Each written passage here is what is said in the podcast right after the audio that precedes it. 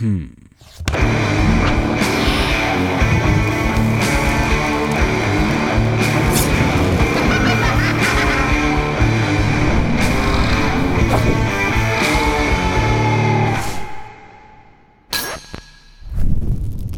Zdravo svima, dobrodošli u još jedno specijalno izdanje Agelas podcasta tokom trajanja Sarajevo Film Festivalu. U pitanju je druga godina za redom kako pravimo ovaj projekat, a ove godine na projektu imamo i partnere. U pitanju je Mastercard. Inače, Mastercard i Sarajevo Film Festival već nekoliko godina za redom imaju specijalnu nagradu za promovisanje rodne ravnopravnosti. A u okviru ovog projekta sledeći razgovor će biti sa rediteljem Vladimirom Perišićem. Vladimir Perišić, objav, odnosno objavio, napravio je svoj a, drugi a, dugometražni film koji nosi naziv Izgubljena zemlja, to jest Lost Country. Prvi film je bio Ordinary People, to jest Obični ljudi iz 2009. godine i u ovom filmu a, provlači se e, jedan vrlo značajan istorijski trenutak a, sredinom 90. godina, kraj 96. početak 97. godine, početak studentskih protesta u Beogradu i prikazuje zapravo tu dekadu 90-ih iz jednog sasvim specifičnog ugla, ali više o tome u razgovoru sa našim sledećim gostom, rediteljem Vladimirom Perišićem. Smo spremni, drugari? Ok. Ton ide, kamera ide. Ovo je jedini trenutak u životu kad mogu da lupim klapu. Znaš? Inače. Dobro jutro, Vladimire. Dobro jutro. Kako si? Dobro.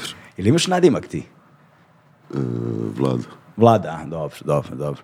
Ovaj, a, ovde smo da bismo razgovarali pre svega o tvom ovaj, novom filmu a, Izgubljena zemlja, Lost Country, ali s obzirom na to da će film imati premijeru zapravo a, na FAF-u, je tako, na festivalu autorskog filma u Beogradu, posle Sarajeva, a onda nakon toga će ići u distribu, bioskopsku distribuciju.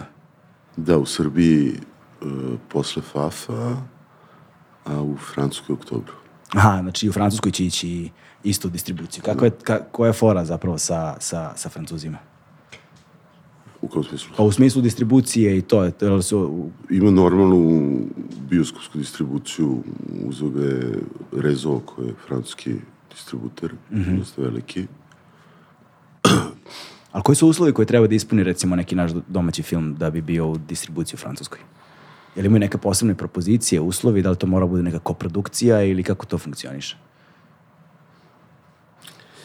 Pa moram, ja ne znam šta je od naših filmova poslednjih recimo 10 godina izašlo u bioskopima u Francuskoj. Mila Turajlić, e, to znam. Sa nesvrstanima, ovaj, Labudović Reels, na to misliš? E, ne, prethodni. E, Cinema Komunisto. E, druga strana svega. Druga strana svega, da. Da, Teret je bio u bioskopima, Ordinary People je bio u bioskopima. Uh, pazi, Kani je jedna sigurnost da se nađeš u, u, u francuskoj distribuciji. Aha, da. Ja mislim da, da vrlo malo filmova koji su u Kanu ne nađu put do bioskopa.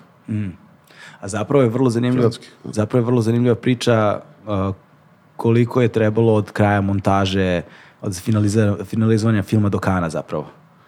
Pa mi smo završili snimanje 15. januara. Premijera je bila 21. maja. Wow, dakle, od 15. januara, a sad kad, kad mora film da se dostavi? Koliko ranije? A, recimo ako je u maju, to kako si rekao, kog maja? 21. maja. 21. maja. Ako je 21. maja premijera u Kanu, ovaj, kada si morao da dostaviš film? Pa DSP Nelje kritike traže, ja mislim, tri dana ranije. Približi samo mikrofon sebi malo.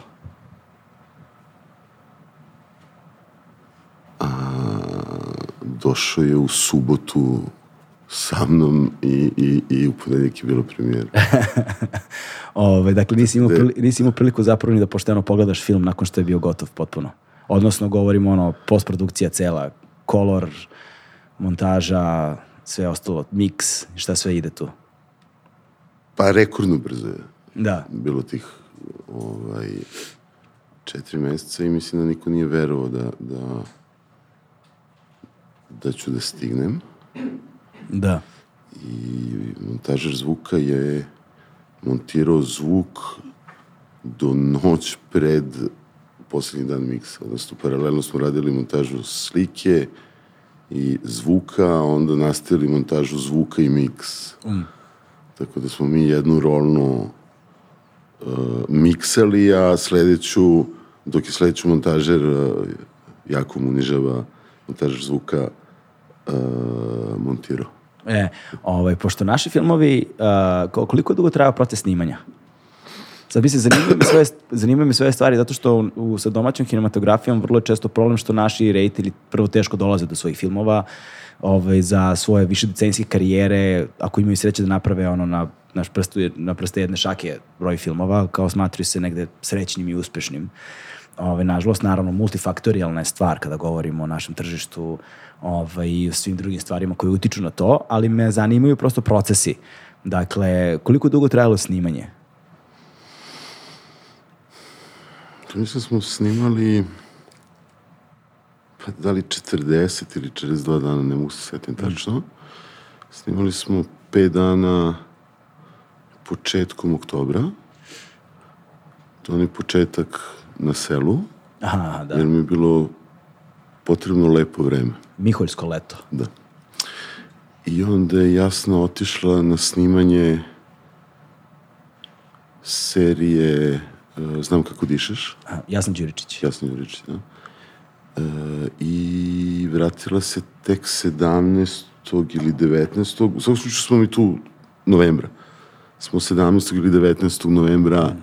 nastavili drugi deo do 15. januara sa tim nekim pauzama za novu godinu mm. uh, katolički pravoslavni božić, pošto je bila mešana ekipa, onda su se morao da ubodem sve praznike da, da, da ne da, radimo. Da, da. Ali dobro, ovaj, Uh, zanima me sad razvoj scenarija i koliko je dugo, zapravo koliko dugo je od ono inicijalne ideje i ka, šta je zapravo inicijalna ideja, što je možda zanimljivo u tvom kontekstu, ovaj, do, do finalizacije filma. Dakle, koliko je ceo period trajao? Ono, od prvog trenutka kada si rekao ovo bi trebalo da bude scenarij po kojem ćemo da radimo film. Pa, u slučaju ovog filma baš dosta, iz dva razloga. Uh, ja sam imao prvu neku verziju scenarija koja se dešava u tri epohe. Mm -hmm. U stvari, film kada si ga video je imao i neki ima malo drugčiji kraj, dakle, koji ja. nećemo da otkrijemo. Da, nećemo da otkrijemo. Samo sekund. Ajde pre nego što zapravo nastaviš ovu priču, samo da kažemo ono osnovnu premisu filma, da, ljudima, da ljudi znaju o čemu se rade, pošto nisu imali prilike da ga vide. Dakle, film nosi naziv Izgubljena zemlja. Ovaj, I Češ ti da kažeš? ne, ja sam završio sa pičovanjem. Sad ga, A, to, sad ga, sad ja, ti, sad, sad ti ga rezimira, ja više nemam. Sad ga ja pičujem ljudima, da.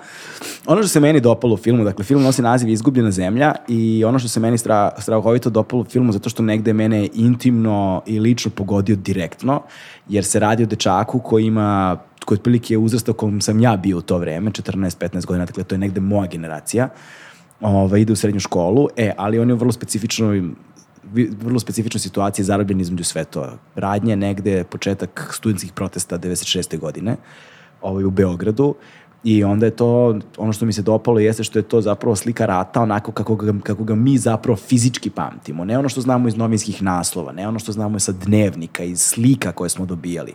Ne, zato što su to slike koje smo dobijali, a ne ono što smo mi živeli kao stvarnost. Uh, nego ono što je bila stvarnost koju smo mi doživljavali ono trenutka kada otvorimo oči, izađemo na ulicu, ono što fizički vidimo, dakle, kako je izgledao taj ono, ratni, posratni period, dakle, Slobodan Milošević, period 90. godina, sredina 90. početak studentskih protesta.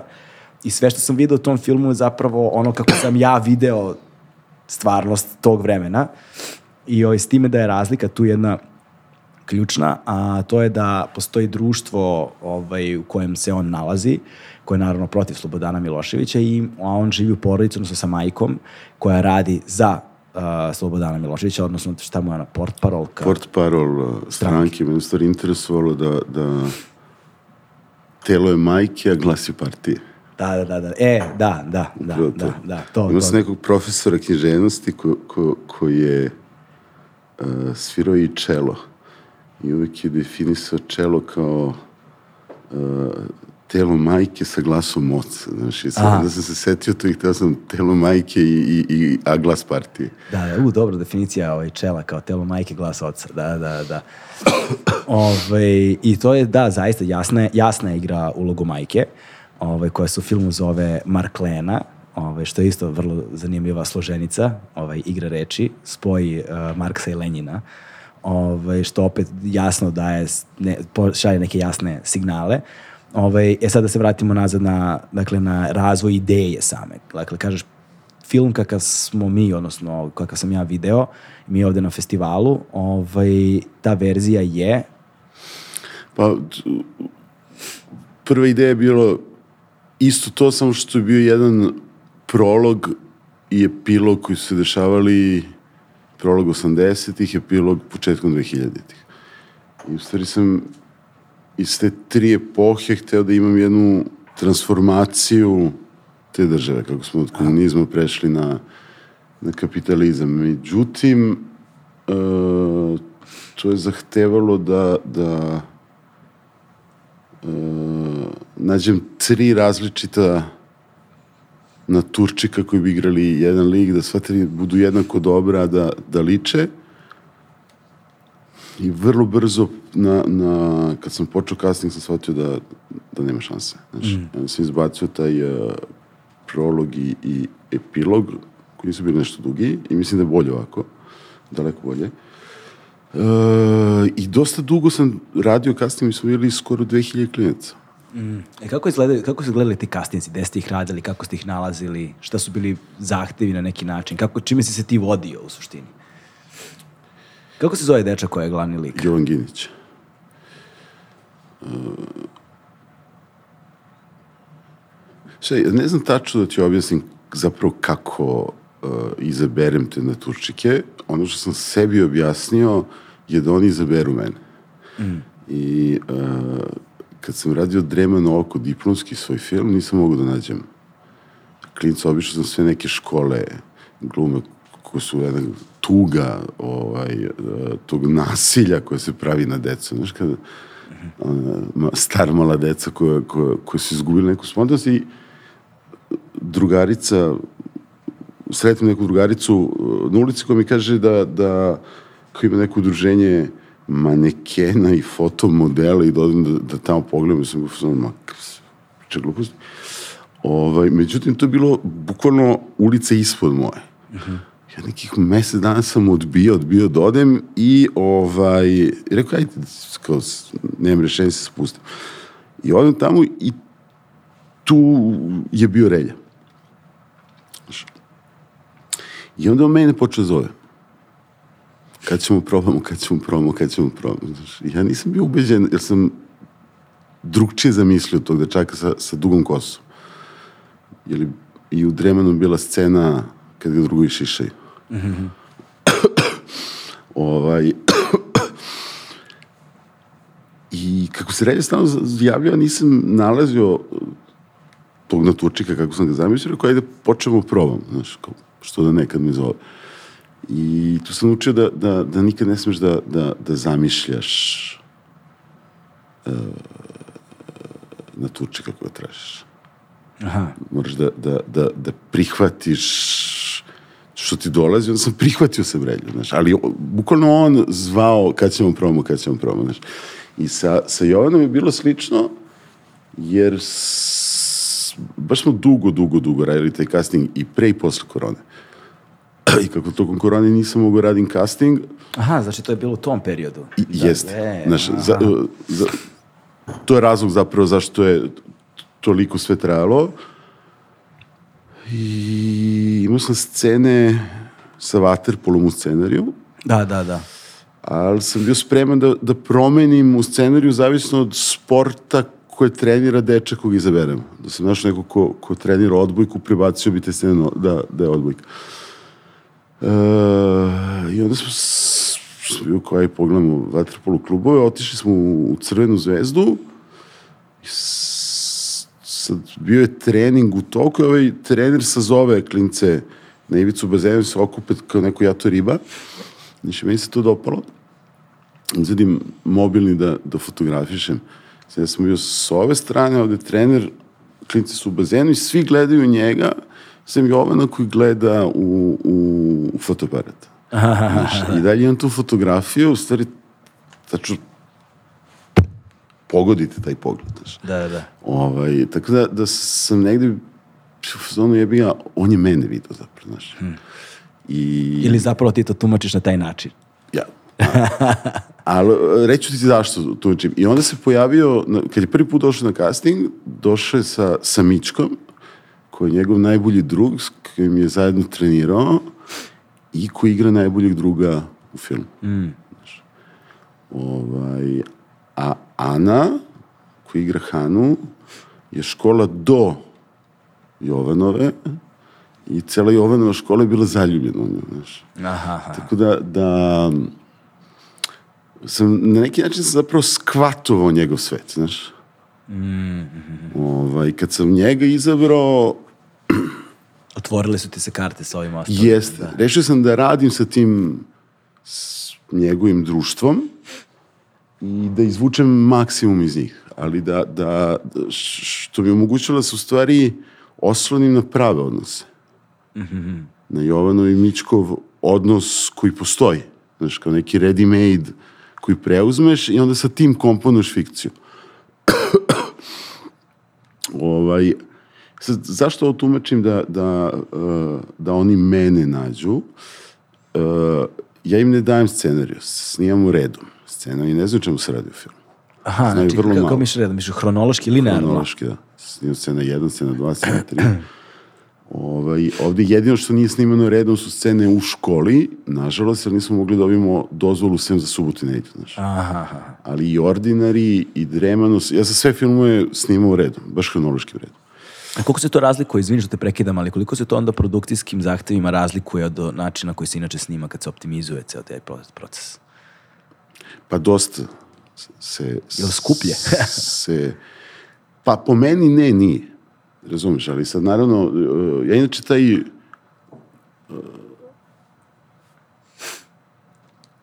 mod, modus produkcije kapitalističkih filmova ne podnosim. Aha. Znači, apsolutno uh, ima nešto što, što mi je užasno nasilno u tome, što zaista ne volim. I svaki put jedna vrsta borbe da, da, da nametneš svoju metodu rada nekim načinima rada koji postoje na filmu koji nisu promišljeni. Znaš, jel, uh, ja verujem da, da metoda mora da bude primenjena uh, da odgovara onome što hoćeš da proizvedeš. Imaš neke metode jednostavno tako se radi na filmu, koje nikad nisu promišljene, koje su nasređene, koje dolaze isto te neke ekonomske optimizacije koja je vrlo upitna. Ovaj, I to što, što Gadar zove profesionalci profesije. Da. Ovaj, uh, a sad da ti dam primer na, na, na Ordinary, ja sam se nešto vratio, spremio sam ceo film, teo sam da ga snimamo s ekipom od osmoro. Da, mislim, za- da, samo za ljude da pomenu, to su Ordinary, Ordinary People, People, obični da. ljudi, film iz 2008. 9. Devet, iz 2009. godine, sa Reljom, jel te, u glavnoj ulozi. Tako je, da. Ovaj, I Koji govori o... prati grupu vojnika koji su odvedeni na neku farmu i imaju zadatak da, da, da streljaju ljude. Ovaj, I otišao sam za vikend u Beograd, snimali smo malo pored Subotice, sve bilo spremno i vratim se u nelju uveč i dođem u ponedljak na set, prvi dan snimanja. I shvatim da mi je produkcija iza leđa zaposlila 25 ljudi. Jer od jednog setu se pojavilo 25 ljudi, rekao, ko ste vi ljudi? Znači, ko, pa mi smo unemljeni koji imaju gore, rekao, dobro, što ćete plaćati, kući. Mi ne trebate. I snimili smo film stvarno sa osmoro ljudi, ovaj, produkcija je morala plati ove koji su angažovali, su mislili da, da, da, da neću moći sa osmoro ljudi. Znaš. I, I druga anegdota je bila, uh, kako smo snimali u julu, ja sam teo da sve radim sa prirodnim svetlom, bez ikakve, nema ni jednog reflektora u ordinari upaljeno, znaš. I sad, Ali onda zavisiš od blende, onako, ozbiljno. jeste, toga su se plašili, uh, ovaj, kako se zove ti producenti, onda su iznajmili kamion rasvete iz Slovenije, a da mi nisu rekli. I kako nismo imali neki kafić koji se pojavio na kraju filma, nismo ga našli, ušli smo u snimanje. Ove, ja idem sa snimateljem te prve nelje posle snimanja, se vozimo kolima po tim nekim selima okolo i gledamo kako se zove kafić i vidimo neki kamion uh, tehnike filmske, ja kao neko još snima, ko snima ovde sem nas. To je bio naš kamion koji su oni iznajmili i parkirali u, u, u selu do da, da ne znamo. Znači. I pozovem i rekao, vraćajte ovo odmah, ne, ne, ne prihvatam trošak. Ovaj, kao nema problema, vratit Nije to mali trošak. I poslednja nedelja snimanja, mi dalje nismo našli taj nesretni kafić na kraju snimanja i opet ga tražimo, razumeš? I u nekom drugom selu naletimo opet na taj isti kamion. Elem, ljudi su platili sedam nedelja kamion pun rasvete koji mi nikad nismo iskoristili. da, da, da. Ovaj, ili, uh, ja sam ovdje insistirao ne samo da snimamo redom, nego hteo sam da, da, da i film bude neka vrsta dokumentarca o jednom kvartu grada. Aha. I okleo sam malo da li snimamo na Novom Beogradu ili na Vračaru, izabrao sam Vračar, ali od tog trenutka stan u kome glavni lik Stefan živi i stan najboljeg druga su na tri broja jedan od drugog. Aha. Da, da, da, da. I dok su tražili, svi su bili u fazonu Vladimir Lud, nije normalna, znaš, ako umetnik izmišlja neke gluposti, la, la, la. Elem, izgorem ja to svoje, nađemo mi i onda kada smo našli, onda konačno svi shvate da je to produkcijno mnogo lakše nego ono kada snimaš uh, nađeš jedan stan na, na Vračaru, drugi na Dorćolu, pa, pa to glumi da je isto. Što ti pravi da, da u stvari geografija ili topografija Beograda, kad gledaš, znaš, film je jako pogrešna. Da, da, aha. Mislim, realno više ima logike da spojiš um, Zemun i Novi Sad, Da, da. jer arhitektonski je to bliže nego da spajaš... Uh, Zemun i Dorčel, na primjer. da, Ili Voždovac. Novi Beograd. Da, da, o, ovaj, koji imaju odmah pored. Uh, isto je to sa, sa, sa tim snimanjem redom, međutim, u stvari to nekako produkcije lakše prihvate kad su u pitanju Turčici. Mm -hmm. Znači, mislim da, da, da sa glumcima bi tu bilo mnogo teže Jer se glumci, sma... argumentovati. da, jer se glumci smatraju profesionalcima koji onda moraju da ispoštuju ono što im se traži. Da, da. Ovaj, ali ja u svakom slučaju ne znam tako da radim. I, i... Ali zanimljiv mi je i ovaj proces što si rekao da zapravo a, na Turštici nisu znali o čemu se snima film. Gledaj, znali su šta je tema Aha. i neke stvari koje su neophodne da bi oni bili i roditelji, pošto su maloletni, da bi bili saglasni Jasno. da, da u tome hoće da učestvuju. Ali ne znaju kako se razvije priča. Aha. Ovaj, I kad probamo, zapravo ne probam sa njima, probam neke scene ili neke situacije slične ili pored onih koji su u filmu i zapravo ih dugo ih posmatram, snimam ih. Kako taj proces izgleda? Zapravo to mi deluje kao da tu u suštini postoji dosta improvizacije. Ili koliko su ti procesi pod kontrolom. Znaš, šta je to što zapravo ti prilagodiš njima, a šta je ono gde se oni prilagode tebi? Odnosno priči, narativu. Pa gde se neka čudna sinteza jednog i drugog. Ja, ja ih dosta posmatram. Znači, Joca je dolazio pa dobrih šest meseci, mi smo se redovno viđali. Znači, jednom nedeljno barem. E, ja sam ga sa svom malom kamericom snimao. Izađemo na ulicu, kažem mu šeta i uđe sam u poslugu, kupi nešto. I onda ga posmatram i vidim koji su neki gestovi, kako priča, e, čuješ neke reči koje koristi, rečenice. Onda sa, sa, A kao generacijski. ono. ili recimo ka, kad smo našli taj stan i, i ovaj, kako se zove, kad smo izabrali da, da, da snijemo u Ribnikaru, ja sam teo da, da put kojim ide u školu bude tačan put kojim se ide od tog stana do Ribnikara kada bi išao u ribnika, znaš. Da, da. Ali sam onda odlazio kad sedu na kraju smo izmenili tu scenu ili padala kiša pa smo bili u nekom uh, prolazu, ali ima neka scena kad sede u nekom parkiću u unutrašnjem dvorištu, sam išao redovno sa, sa, sa Jocom i Mičkom taj parkić i puštao ih da oni pričaju. Znači, odemo i kao gluvare pola sata, ja ih snimam, vidim kako bi seli Lina Zidić. Kako Da. bi ustali, kako bi se pokretali. Onda zapravo i scenario i mizan scen prilagođavam tome. Aha, aha. Da, Meni je to da. kao neki ready-made gde uzmem stvari iz njihove stvarnosti i onda sa tim komponom ili tražim u njihovoj stvarnosti ekvivalent onoga što sam napisao. Da, ali ima, ima, ima zapravo smisla sad, znaš, dok te slušam kad pričaš, a, jer kad god sam razmišljao o filmovima kojima sam viđao na, na Turščike, prevashodno govorimo o filmovima u regi, domaćim regionalnim produkcijama, ovaj, često postoji taj problem, mislim često, sad šta znači često, ali postoji, postoji problem kada stvar ne izgleda kako bih rekao, autentično, u duhu vremena, ovako i onako, što je možda posledica upravo toga, znaš, da, da nisu koristili nešto što je njima prirodno u okolnostima kakve su i to iskoristiti kao element narativa koji gradiš, odnosno umetničkog dela koji praviš.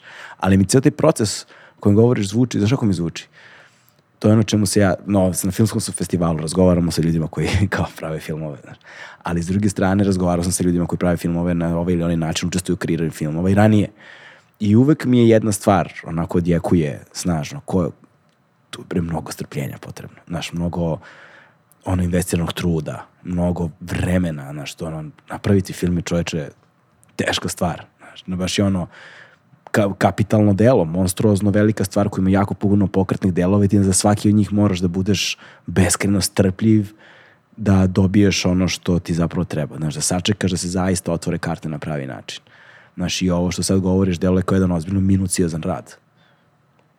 Znaš, to, da ti sad njega šest mjeseci ideš sa kamerom da, znaš, ko je to delo, znaš, to, sva, to svakog dana bilo.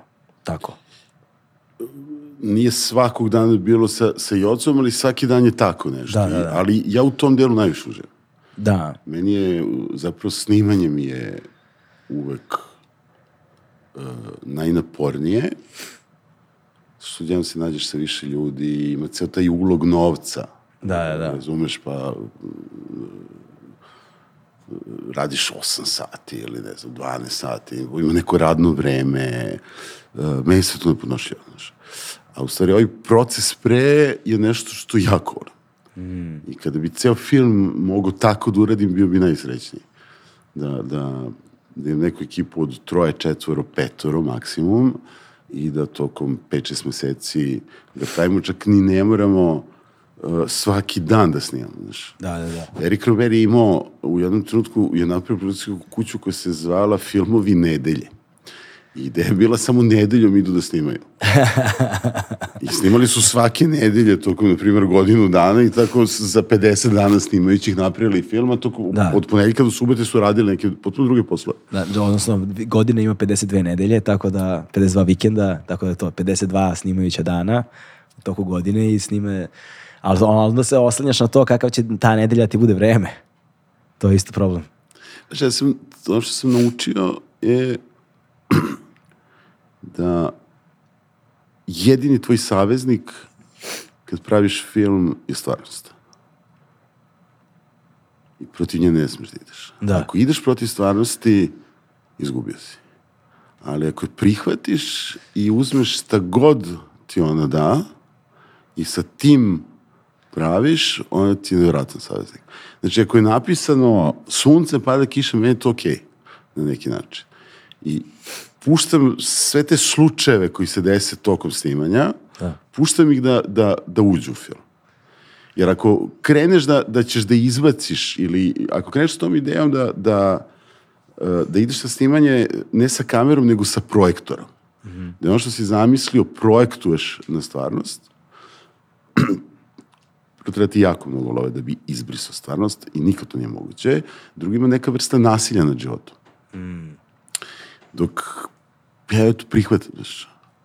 I kad smo snimali onu scenu kada, kada su uh, kad jedan od drugara vrti nož i pojavljuje se stariji brat. Znaš, ovaj, to smo snimili, dakle, početak smo snimili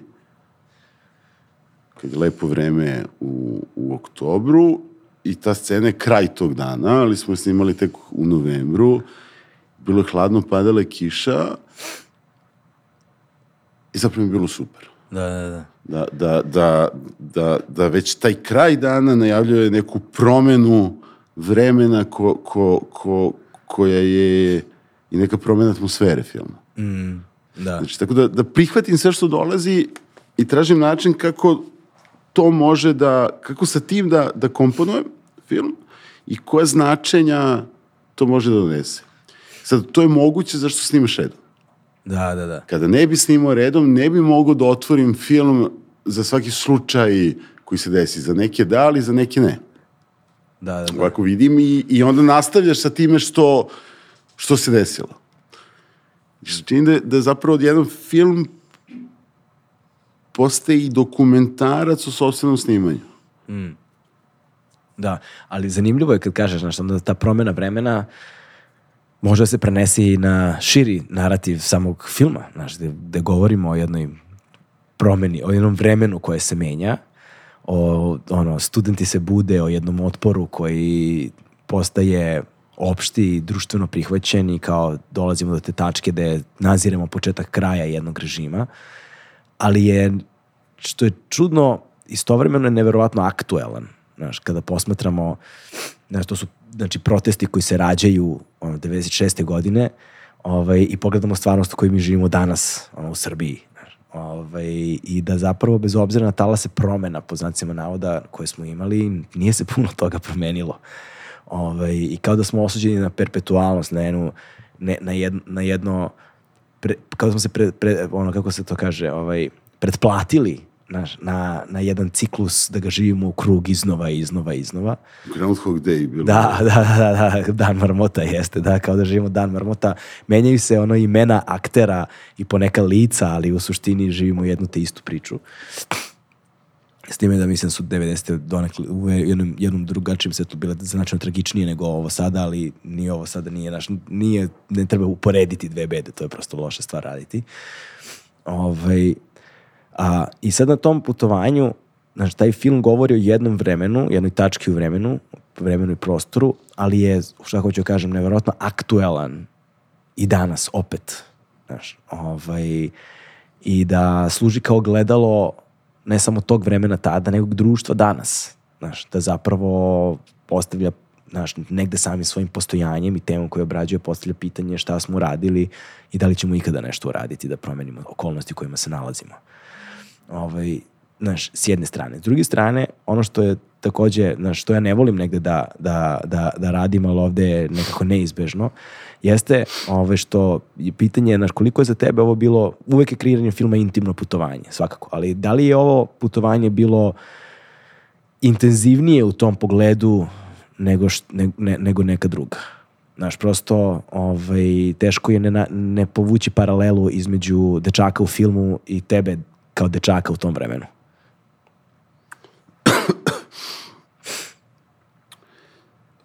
Mislim, za ljude koji ne znaju da napomenem samo tvoja majka je Nada Popović-Perišić koja je bila ministarka kulture u to vreme u Srbiji. Da. I ti si bio 96. godine, i ti si bio taj dečak. I samo sam malo stariji. malo stariji, da. Malo stariji, da. Ne, šta, meni, mislim da, da mi je, ovde mi je bilo intenzivnije samo pisanje scenarija, uh, jer je trebalo da zaronim u te 90 u sebi. Ima ta, ta super Delezova rečenica koju volim da pišemo i svoje nerazvijenosti samima sebi i svog unutrašnjeg trećeg sveta.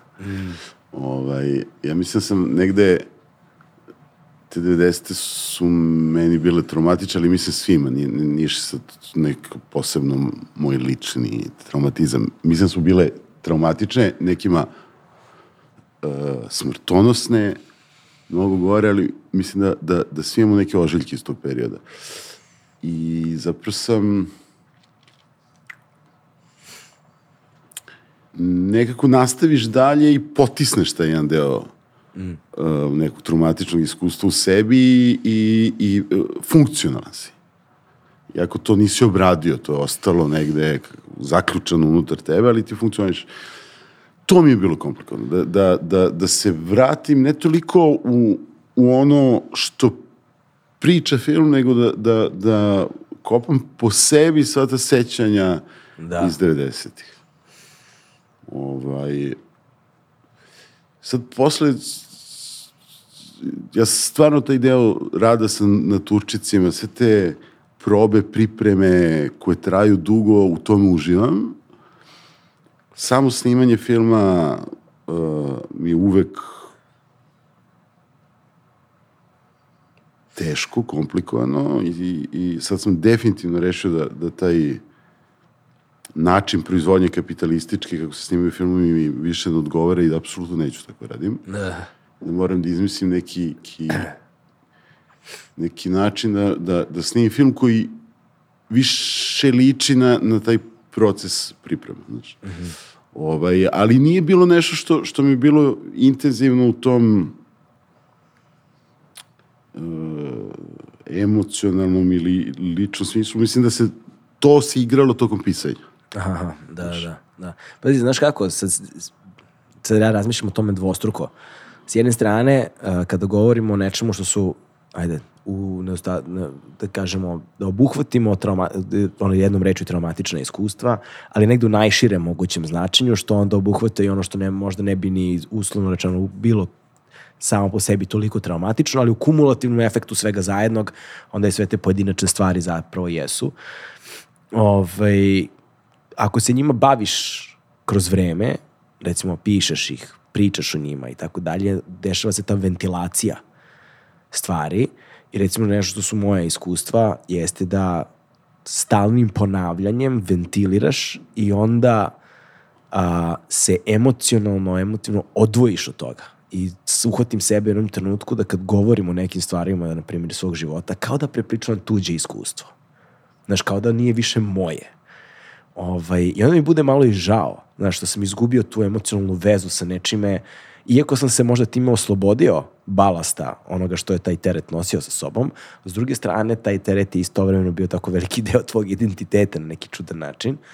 Ovaj, I kao, znaš, šta sad? Znaš, čudno je. A s druge strane, uh, isto tako u procesu kreiranja ovakvog filma ti si onda jedna od retih osoba, ako ne jedina osoba koja ovakav film mogla da napravi jer imaš to jedinstveno iskustvo da proceniš da li je u kreiranju identiteta tog dečaka stvar onako kako treba da bude. Da li je tu umetničko delo dobro gledalo stvarnosti. U tom neko, toj nekoj, nazovimo, zarobljenosti između svetova. Znaš, I ta pozicija ovaj, nekoga ko pripada u dva sveta, ali ni u jednom u isto vreme, je dosta teška pozicija da se kreira i dosta teška pozicija da se održi, da bude autentična i da bude uh, uverljiva, jel te? A, da, a, I da se upotrebi naš, kao umetničko delo. Jer tu je, tu je onaj deo gde stvarnost, stvarnosti prosto jeste, ali umetnosti ona treba da bude verovatna, a stvarnost ne mora da bude. Znaš, to je sad kao koliko su ti ta tvoja lična iskustva pomogla u, u tome da imaš tu introspekciju jel te, u, u, u, u život lika. Stefana, ali tako? Kako se u filmu zove? Da. Stefana. Znaš šta, ono što meni bilo komplikovano, da sebi dozvolim, dugo mi je bilo komplikovano, onda sam, kad, kad sam dao sebi tu dozvolu, onda sam to prigrlio. Ovaj, ali Kako daš sebi tu dozvolu? Krajem 90-ih, taj 5. oktober i to, bilo je jedno, kada dolaziš sa te strane uh, preko majke uh, s te pogrešne strane da. istorije ovaj i bila je jedna uh, osjećanje krivice i, i skoro da, da, da nemaš pravo da dolaziš odatle. Ili kao ako mm. dolaziš odatle, nemaš pravo na život. Mm, znaš, da. to, to je bilo uh, jedno jako osjećanje koje sam ja imao, ali kažeš, ali, ja dolazim odatle, znaš, kao, da. nije, to nije moj izbor, ali sam se našao na toj strani uh, tuđim izborima, roditeljski. Znaš. Da, ali to je ovaj, transgeneracijska stvar, znaš, ti to sad tako kažeš, ali to sigurno nije tako jednostavno nositi u suštini, znaš. Pa, ja sam, ima neki film, sad se bori kako se zove, Dani oslobođenja, čini mi se, diplomski film Lars von Triera, Aha. koji prati nemačkog vojnika 45. Ovaj, I kad sam to pogledao, sam rekao da, kao mogu i sa te strane da snimam. Negde dolazići iz jedne jugoslovenske, antifašističke tradicije, sam bio naviknut da sam na dobroj strani istorije, jedno si se našao na pogrešnoj. Da. I, i, I da počneš da misliš sebe i kako da misliš da, da si na toj pogrešnoj strani da, i uopšte da je to moguće, znaš, meni je bilo kao nemoguće. Ovaj, a, dolaziš iz jedne istorije antifašizma, odjedno se nađeš na strani fašizma. Ne na strani, u smislu da ga braniš, nego odjednom da, da, da su ti zločine na kraju postali uh, fašistički zločine, dolaziš iz jedne antifašističke tradicije. Ovaj, to mi je bilo komplikovano da, da, da sebi da sebi dam dozvolu. Mm. Znači da, da, da ili da kažem, ok, u tvom životu to bilo tako i sada nastani od toga i napravi svoju uh, umetnost od toga ili specifičnost tvoje umetnosti će biti da, da snimaš sa te druge strane. Da, da, da. I Dremano, Oko i Ordinary People i ovaj film uh, su zapravo to. Znači, da, da, da, da, da kako se povremeno Kevin svoj zezam je, je su, su, su nas zatvorili kao ona Hitlerova deca 45 ovih nacista u Hitlerovom bunkeru, pa su ju pobijali decu, onda sebe otrovali, znaš. Da. Ovaj, I da svedočiš iz toga. Mm. Iz te tačke gledišta. Ovaj, I sad, onda to postaje vrlo umetnički izazovno šta ti se otvara kao mogućnosti. Kad izabereš ta, tu, tu tačku gledišta s druge strane. Ali s druge strane, znaš, kažeš s druge strane, sad ja ponavljam s druge strane, a ne mislim na istu stranu. Ove, ovaj, a, a, ali to je, to je strahovito, strahovita potencija za kreiranje tra, onoga što se u klasičnom smislu naziva tragički junak. Znaš, to je pravi tragički junak koji ima tu, ono, u tradicionalnom posmatranju antičke drame, jel te, tu peripetiju, u trenutak kada se ovaj, život okreće od sreće ka nesreći bez mogućnosti ikakve promene, znaš. I onda se postavlja samo pitanje, to je taj odnos nužnosti i slobode. Dakle, nužnosti su takve kakve jesu zato što su nužnosti, zato što njih ne možemo da utičemo, ne možemo da ih promenimo, ne možemo ništa vezi sa njima da uradimo i svoju slobodu možemo da ispoljimo samo unutar okvira sobstvene nužnosti. Ne možemo nikako drugačije. E sada, nekada je obruč te nužnosti toliko uzak da se zapravo ceo svet skupi oko tebe da je, un, un, da je jedina sloboda koju imaš u sobstvenim odlukama i onome što se nalazi u tebi. Da svoju slobodu možeš samo kroz sebe, ni kroz jedan drugi čin u spolješnjoj sredini da ispoljiš. Što znači da ne postoji ništa u spolješnjoj sredini što će tebe da prihvati na taj način.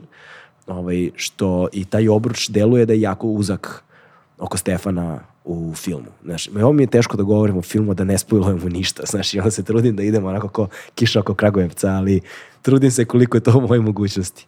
Dakle, i on, jest, on ima taj potencijal tragičnog junaka, ali s druge strane, za razliku od ono klasične tragičke priče u tom pogledu, postoji jedan drugi lik koji koji pokazuje određene simpatije prema njemu. On, devojka, koja stoji kao neka jugsta pozicija, jel te, u odnosu na ceo svet drugi, znaš, gde ono ipak nekako više slojno je u tom pogledu, znaš. I, i, I priča jednu ljubavnu priču, pored svih ovih drugih, koja ostavlja nekakav plamen nade, koja tinja. Znaš, čini mi se na neki način, ali nije dovoljno, nije dovoljna u odnosu na pritisak koji koji, koji, koji oba sveta spuštaju na njega.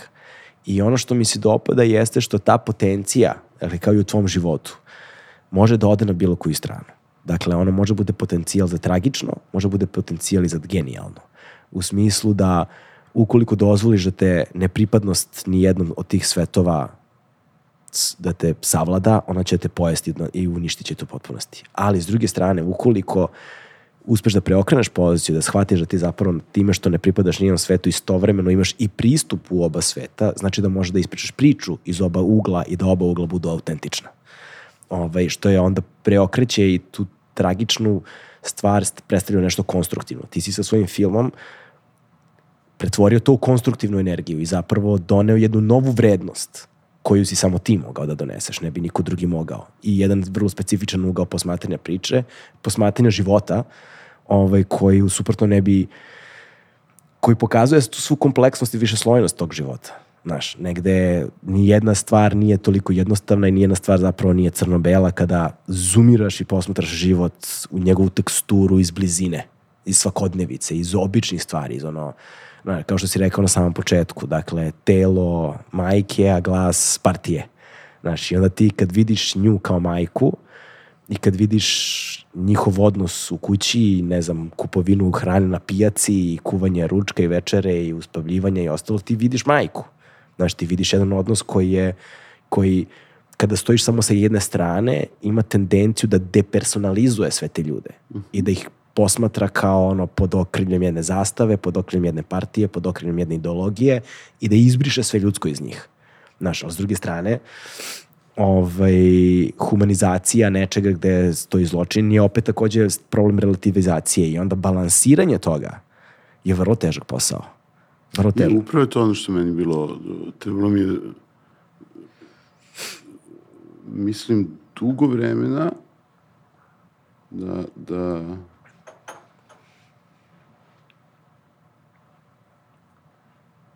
da nađem sredinu između te dve stvari ili da, da, da, da naučim da roditelje možeš da, da voliš, a da se ne slažeš sa političkim idejama ili izborima. Mm. Dok je meni bilo kao da je ili jedno ili drugo. Da, da, da, da, da, da, da. Znači, pa ako ga voliš, onda moraš da braniš Sve, da. političke uh, izbore ili ideje, uverenja, a ako si protiv tih uverenja, ne možeš i da voliš roditelja. Pa ne, i jedno i drugo moguće. U stvari, tu počinje, mislim, odrastanje. Da. I, I ono što je meni tih 90-ih s- bilo komplikovano je da, da, da shvatim te različite emocije koje su se mešale u meni. Mislim da, da taj jedan sukob, što se zove u psihoanalizi sukob dvostruke lojalnosti, lojalnosti prema roditelju, u ovom slučaju prema nekom moralnom imperativu koji se budi u Stefanu, znaš. Ali, uh, ja mislim da 90-ih se sve to nekako nesvesno mešalo u meni sa mnogo emocija koja nisam, koje su me radile, a koje nisam umeo da razumem i da imenujem. Ovaj, I malo sam to tražio negde kro, kro, kroz lik Stefana da, da, da, da on nije svestan sukoba koji se odigrao u njemu. Da. Znači njega pocepa jedan sukob koji je preveliki zato što ne, ne može da ga osvesti. Ovaj, i, I da, pisan je taj, taj lik kao lik jednog tragičnog junaka. Da. A što se te ljubavne priče tiče, stvari mi se činilo da, da, da film mora da ima jedan layer ili jednu narativnu nit koji njemu nudi mogućnost da, da, da, da se on da on postane subjekt svog života. Da sam morao da mu ponudim da postoje neka vrata. Da, da, Da, da, da nije, on, on ne ume da ih otvori ili ne, uzme da, uz- ne ume da uzme taj put, ali ta mogućnost postoji. Da, ovako je izbor, suprotno bi bio samo marioneta. I- Aha, da, da, ima smisla. Ali s druge strane, opet kad razmišlja čovjek, film ne nosi naziv po našem glavnom junaku. Znaš, film nema, u svom nazivu nema nikakve veze s time. Film se zove Izgubljena zemlja. Znaš, što sad opet simbolizuje da je jedan širna narativna slika van onoga o čemu mi govorimo sve vreme. To je jedna stvar koja mi je zanimljiva, koju bih volao da prokomentariš. Druga stvar ove, jeste a, ono što mi je fascinantno kako se postigao taj efekat zapravo posmatranja sve te stvarnosti, ali iz ugla deteta. Znaš, znači, mi živimo stvarnost iz ugla 14-godišnjeg, 15-godišnjeg dečaka. Znaš, gde sad treba održati tu, tu nit verodostojnosti da okolnosti zaista izgledaju tako. I da, i, i da to tumačenje bude tumačenja tih strahovitih stvarnosti ipak bude iz vizure nekoga ko ima 15 godina po aršinima kojima može da i uradi i ono logički i emocionalno neko ko je tog uzrasta, generacija tog uzrasta. Pa, naš razgovor je krenuo više u pravcu tog odnosa majka i sina, ali to jeste najbitniji deo filma, ali samo jedan deo filma. Ima i, i to da, da sam kroz tri generacije hteo da ispričam tri generacije, deka, majka i, i uh, njen sin, jednu istoriju ili evoluciju Jugoslavije. I u jednom trenutku sam razmišljao čak da, da, da naslov može da bude Motherland.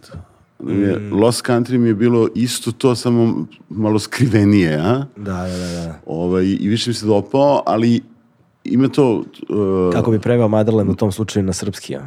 na naše jezike.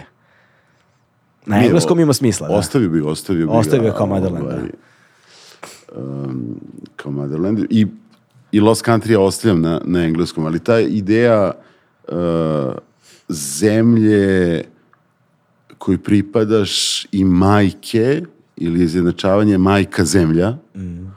je nešto što postoji u, u, u, kulturi u, u Rusiji jako to snažno. Što onako majčica Rusije. Da. Ovaj, um, eto, tako sam došao do, do, do, do Last Country. Ta ideja tri generacije i identifikacija između majke i zemlje. Da, da, da, da, da, da, to jest. A, ovaj, da, a po, i postoji trenutak u filmu kada se te tri generacije isreću. Što je dosta ključan trenutak za sam film, ali nećemo o tome, ovaj, da ne razotkrivamo previše ljudima. A, a šta je u procesu kreiranja stvarnosti iz ugla dečaka, znaš, koliko je taj proces bio težak? Ok, s jedne strane je bio pojednostavljen time što pratiš njega i njegov život i onda sve ostalo mu se samo dešava. Ali pravljenje društvenog komentara, odnosno u umetničkom postupku, je uvek zeznuta stvar. Kako, kako proizvesti komentar ovaj, gde probija negde glas autora, ali da bude u okvirima pravilnosti, zakonitosti sveta koji kreiraš. Znači, a to je svet 15-godišnjeg, 14-godišnjeg dečaka. Da ne deluje kao što recimo u brojnim nekim romanima imamo genijalne likove koji progovaraju, ne znam, u recimo ono braći Karamazova i Dostojevskog postoji dečak koji progovara, ali on kad, koji ima 10 godina, ali dečak kad progovara, progovara glasom nekoga koji ima 30. Nije uverljiv, znaš, ali u njegovom svetu on nas prevodi žedne preko vode, to je druga stvar.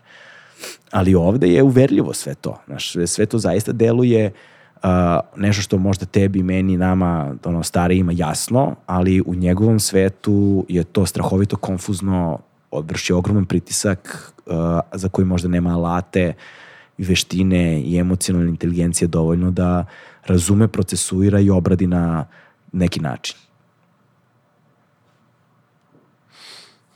Šta ima taj Rossellini je film Nemačka nulte godine koju obožavam. Kako se rekao, izvini, nisam. Nemačka nulte godine. Mm. I uh, za koga uh, Scorsese kaže da, da, da je to film o dečaku koji luta ulicama razrušenog Berlina i umire od onoga što vidi. Znaš. Ovaj, međutim, to je jedan od filmova koji je značio početak modernog filma. I ono što je meni bilo interesantno kad sam gledao taj film je da sam prvi put video dete kako jeste. Mm. Da, da, kad, ima, često su deca u filmovima u stvari projekcija nas odraslih na, na dete. Kraj Roseline Nemačke nulte godine, on se nađe u nekoj razrušenoj zgradi i, i u stvari gestovi igre, gestovi samoubistva su ekvivalenti. Sveća se kad sam to vidio da, da, da, da ta figura deteta koji izmiče psihologiji me sam osjećao tu imeno ogromna snaga umetnička, znaš. Ovaj, tako da mi je to vrlo bitno. I sad to naravno i dobijam zahvaljujući ovom metodu rada sa naturčicima. Mm. Kako ih ja posmatram, kako ništa ne projektujem, ili kako što manje projektujem, odnosno ne idem s projektorom, nego idem s kamerom gde puštam, uh, to dobiješ. E sad, ovo iz vizure deteta, gledaj, figura deteta jeste obeležila moderni film. I obeležila ga je kao jedan način oneobičavanja. Gde taj pogled deteta, sećaš se, e, dete etimološki infans, onaj koji je izvan jezika. Kako je modern film tražio upravo da, da, da ide ka onom svetu koje je pre značenja, koje je pre reči, ka senzacijama. Hmm. Što i moderno slikarstvo Sezana, primer. Da, ali ne pobrkati sa modernim značenjem reči senzacija. da, zato sam se setio da, da, da, senzacije da. kao značenje kojim daje Sezan, na primjer. Ovaj, i, I onda je, kada uzmeš dete kao lik, u stvari kroz njega možeš da, da, da, da, da gradiš taj pogled na svet koji pre reči. Ili da objasnim, ono što, što je modern film donao je uh, da, da lik postaje posmatrač. Znaš ako prozor na dvorište Hičkoka takođe, gde, gde, gde on ima slomljenu nogu i sada više ne može da bude aktivan junak, nego je sveden na posmatrača. Rossellinivi filmovi sa, sa, sa, sa Ingrid Bergman. Da, da. Ovaj, ona je displaced person posle rata i u stvari ti, ti pratiš nju, ali ona koja luta tom stvarnošću posle ratne Italije, ti daje mesto, uh, ona je već gledalac.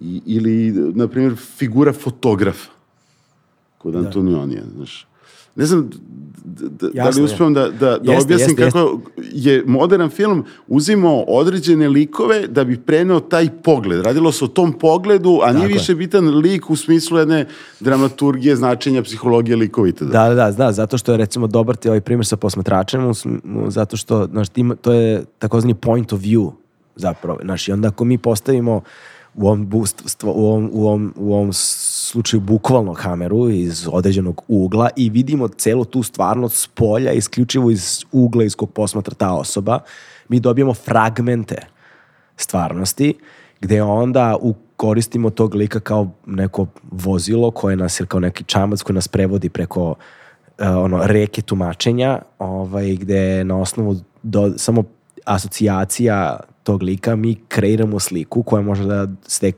sliku stvarnosti na jedan način ali da li se ta slika stvarnosti podudara sa stvarnošću je nešto sasvim drugo. I sad u tom, toj razlici zapravo se kreira, nalazi, nalazi taj potencijal tog umetničkog dela. Znaš, taj point of view, meni se to sviđa recimo u književnosti, je to krenulo sa Henryjem Jamesom, okretajem zavrtnja, jel te, jednom od najekranizovanijih knjiga svih vremena, gde ti zapravo imaš tog takozvanog nepouzdanog, ne, nepouzdanog pripovedača, nego, nego, nego uh, po, pri, pripovedanje je posredovano kroz toliko nivoa da ti više u priču ne možeš zaista da veruješ. I onda se ona nalazi na granici jednoj. Između stvarnosti i, i, i, i između stvarnog i čarobnog sveta. Ovaj, ali ti nijednom trenutku ne daje dovoljno dokaza da pripada stvarnosti ili čarobnom. I onda ostaje suspendovana, to je takozvana fantastika, dakle, suspendovana između ta dva. Gde ti sve vreme uh, I to je taj prvi onaj suspens i ne znam, znaš, koji ti sve vreme kao dolazi sad u toj priči dolazi, jel te, kuće paziteljka da, da, da, da vodi računa o kući u kojoj se dešavaju čudne stvari koje znaš, možemo da pripišemo nad, nadprirodnom, ali može da se objasni vrlo lako na ovaj, uh, ono stvarnošću. Znaš, sad da pomerila se zavesa, da li je duh ili je samo vetar duvao. Ali ako ti ne odgovoriš na to pitanje, nego ostavljaš ovaj, da sam junak tumači, a da ti je priča posredovana na jedan način, taj, to, to, to je takozvani point of view, gde onda suspenduješ i kreiraš jedan potpuno drugačiji novi narativ, moderni, savremeni narativ. Sorry, Henry James je to zvao fokalna svest, da, da je svaka priča ispričana kroz određenu svest što, što, što čini da, da nikad ne možeš pouzdano da znaš šta se desilo, ali ti Tako. uvek neki uh, pripovedač koji je lik zapravo ti je pripričao. Da, da. I meni je ovde bila ideja da, da, da negde pristupim i tim protestima 90. ali celom tom svetu uh, politike uh, kroz tu fokalnu svest mm. deteta koje polako do, postaje svesna situacija u kojoj se je. Um, sad, odrastujući sa majkom ko, ko, ko, koja se bavila politikom, ja sam vremenom imao utisak da, da odjedno tu počne se dešava jedan neverovatan politički thriller sa elementima horora. Da ovaj, do tog rata sa NATO-om. Potpuno jedan mega hollywoodski thriller, mislim, naravno, ne u moralnom smislu, nego kaži, neko ludilo koje se dešava, ali ga ja gledam iz predsoblja ili iz kuhinje, ne, ne, iz, iz jednog vrlo minornog point of view ili kao neka mala forma u odnosu na te predstavljanje uh, na koje si na, navikao iz Hollywooda. I to mi interesovalo takođe, znaš. Da, da iskustvo moje istorije, kako sam ga doživao 90-ih, je vrlo drugačije nego ono kako sam to vidio da je predstavljeno u filmu. Da, da, da. E to je, ali i tu dolazi do sukoba dva velika narat, dva narativa. Jedan taj veliki, taj politički, ideološki, istorijski, ono, kako sad mi, kako, koja je naša tendencija da posmatramo važne istorijske događaje iz prošlosti. Posmatramo ih sa aspekta tog istorijskog događaja i njegovih posledica. A drugi je mali, intimni, ali za naše živote važni, veliki narativi individualnih života unutar toga, koji a, sa vremenskim i emocionalnim otklonom prestaju da budu važni i ostaju ono to, pamtimo novinske naslove, ali ne pamtimo detalje. Znaš to. U tom slučaju je ovo dragoceno zato što pokazuje sukob ta dva sveta, direkt, direktan čeoni sudar ta dva sveta, što je meni, što je meni fascinantno, ali me, ali me u, u tom kontekstu zanima recepcija takvog sadržaja kada je strana publika u pitanju. Dakle, a, u Kanu je film imao premijeru kakve su reakcije bile na, na film i kako su oni specifično doživjeli tu vrstu narativa u odnosu na ono, ja, ja, ja da čekam reakcije publike ovde kad krenu u bioskopsku distribuciju. Jer ovde će se direktnije uh, i automatski povezati sa stvarnoću koju su mi živeli, ovaj, zato što je to naše lično sećanje. To je naša lična prošlost, pored one zvanične. Ovaj, ali kako je to slučaj sa stranom publikom? Pa, gledaj, kad, kad, kad je luksemburška producentkinja čitala prvi put scenarija, jako se dopali rekla, ali Vladimir je sam u zonu kao što what the fuck is going in that country? Ovo, ja sam rekao, gledaj, nemoj da briješ, ni ja ne razumem. da, da, da. Znaš, i, i ja, moje osjećanje 90-ih je bilo, what the fuck is going on? Da. Ili ono, Moje osjećanje i dalje tako. Je, je, jeste, apsolutno. Uh, Joyceova istorija, košvar iz koga pokušam se probudim. Dakle, uh, ja sam i tražio da malo konstruišem film kao jedno dete koje je bačeno u jedan svet koji ne razume i koji je neproziran, koji delimično se, se uh, neke stvari sati, ali neke stvari ti ostaju nejasne. I ja imam to osjećanje sa, sa, sa, sa Balkanom. I kao, šta se ovde dešava? I, i, i, I da sam teo da ga prenesem, da nemam potrebu da, da, da sve objasnim ili da sve u filmu bude jasno ako je meni u životu nejasno. Da, da, da. da. Znaš, ovaj, ali uh, nevezano to mislim da film funkcioniše na tom odnosu majka-sin koji je univerzalan. Tako da, da za neku stranu gledalca i nije ni potrebno da toliko zna o nekim istorijskim ili političkim uh, činjenicama koje mi znamo da bi komunicirao s filmom. Mm -hmm. Da, da, da, odnosno ne, ne iscrpljuje se film isključivo iz tih istorijskih činjenica. Da, jel imaš kao u toj teoriji naratologije kod ženeta, Aha. Uh, postoje tri slučaja pričanja. Kada pričaš priču koju znaš nekom koje zna. To je slučaj uh, kada film bude izašao u bioskope u Srbiji. Tako je, da. Mada ne znaju sasvim s ove druge strane, ali recimo znaju tu isto. Ali to je opet vrlo specifično generacijski, jer će komunicirati i sa generacijom koja možda ne zna. Jeste tu dolazimo do tog drugog slučaja, da. kada pričaš priču koju znaš nekom koje ne zna. Da.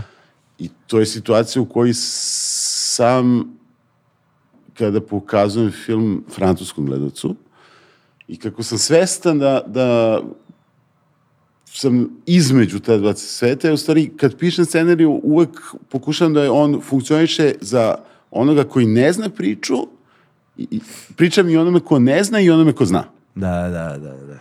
I treći će figura, koja meni najinteresantnija, u njoj nisam bio, kad pričaš priču koju ne znaš, nekom koje ne zna ili koje zna. Aha.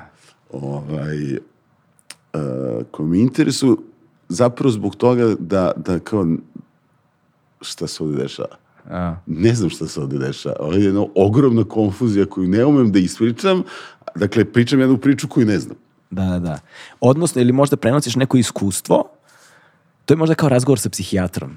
Znaš, ti sad prenosiš neko iskustvo koje tebe čini anksioznim, konfuznim, koje na tebe utiče emocionalno, psihološki ovako ili onako i sad tebe to nešto muči jer ne umeš da ga jasno artikulišeš, da ga razgradiš, da ga definišeš.